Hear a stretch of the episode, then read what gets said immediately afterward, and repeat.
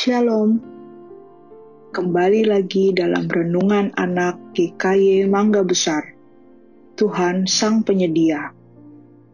Kejadian 26 ayat 15 sampai 34. Teman-teman, kita sering kali mengungkapkan hidup ini seperti roda yang berputar.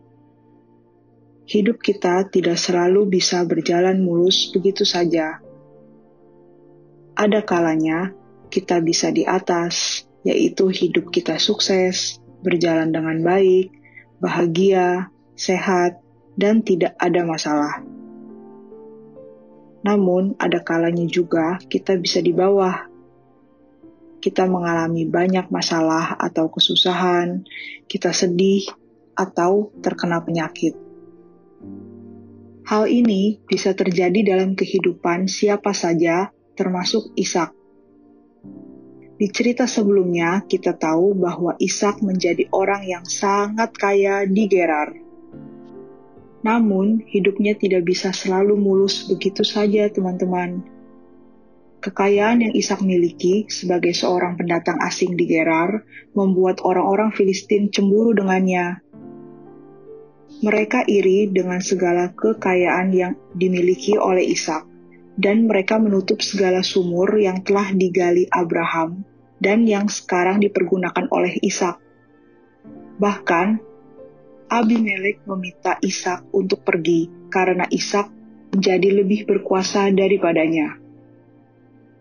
Setelah diusir oleh Abimelek, Ishak pun pindah ke lembah Gerar. Di sana, ia menggali sumur-sumur yang sudah ditutup oleh orang Filistin dan mendapati sumber mata air yang begitu bagus.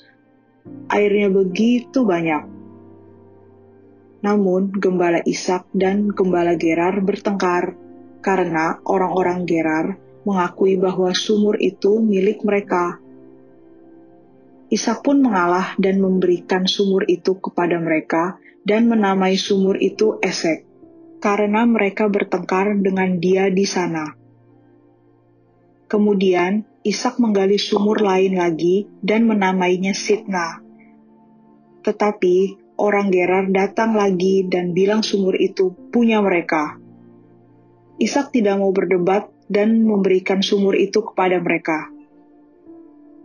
Ishak menggali lagi sebuah sumur dan kali ini orang Gerar tidak bertengkar lagi dengan mereka dan Ishak pun menamai sumur itu Rehobot. Ia berkata, sekarang Tuhan telah memberikan kelonggaran kepada kita, sehingga kita dapat beranak cucu di negeri ini. Teman-teman, berulang-ulang kali, sumur yang digali oleh Ishak direbut oleh orang-orang Gerar. Tetapi Ishak tidak pernah melawan atau berusaha merebut kembali sumur miliknya.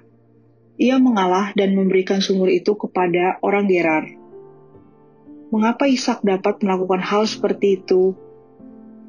Apakah dia tidak takut dan khawatir ia dan kawanan ternaknya tidak memiliki air? Tidak, teman-teman. Ishak tidak khawatir dan takut.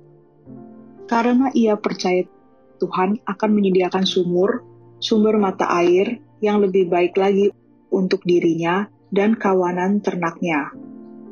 Dan malam harinya, Tuhan kembali menampakkan diri kepada Ishak dan meneguhkan kembali janjinya kepada Ishak. Tuhan berjanji akan menyertai dan memberkati Ishak. Oleh karena itu, Ishak tidak perlu takut. Teman-teman, Tuhan yang kita percayai adalah Tuhan Sang Penyedia ketika hidup kita berada di bawah, yaitu dalam kekurangan, kesulitan, kesedihan, ataupun sakit, janganlah takut. Ia akan menyertai dan memelihara hidup kita. Tuhan mengenal diri kita dengan sangat jelas dan ia sangat tahu apa yang kita butuhkan. Oleh karena itu, mari kita belajar seperti Ishak yang tidak khawatir akan hidupnya yakin dan percaya bahwa Tuhan Sang Penyedia sanggup menyediakan apa yang kita perlukan sesuai dengan waktunya. Kiranya Tuhan Yesus memberkati kita. Amin.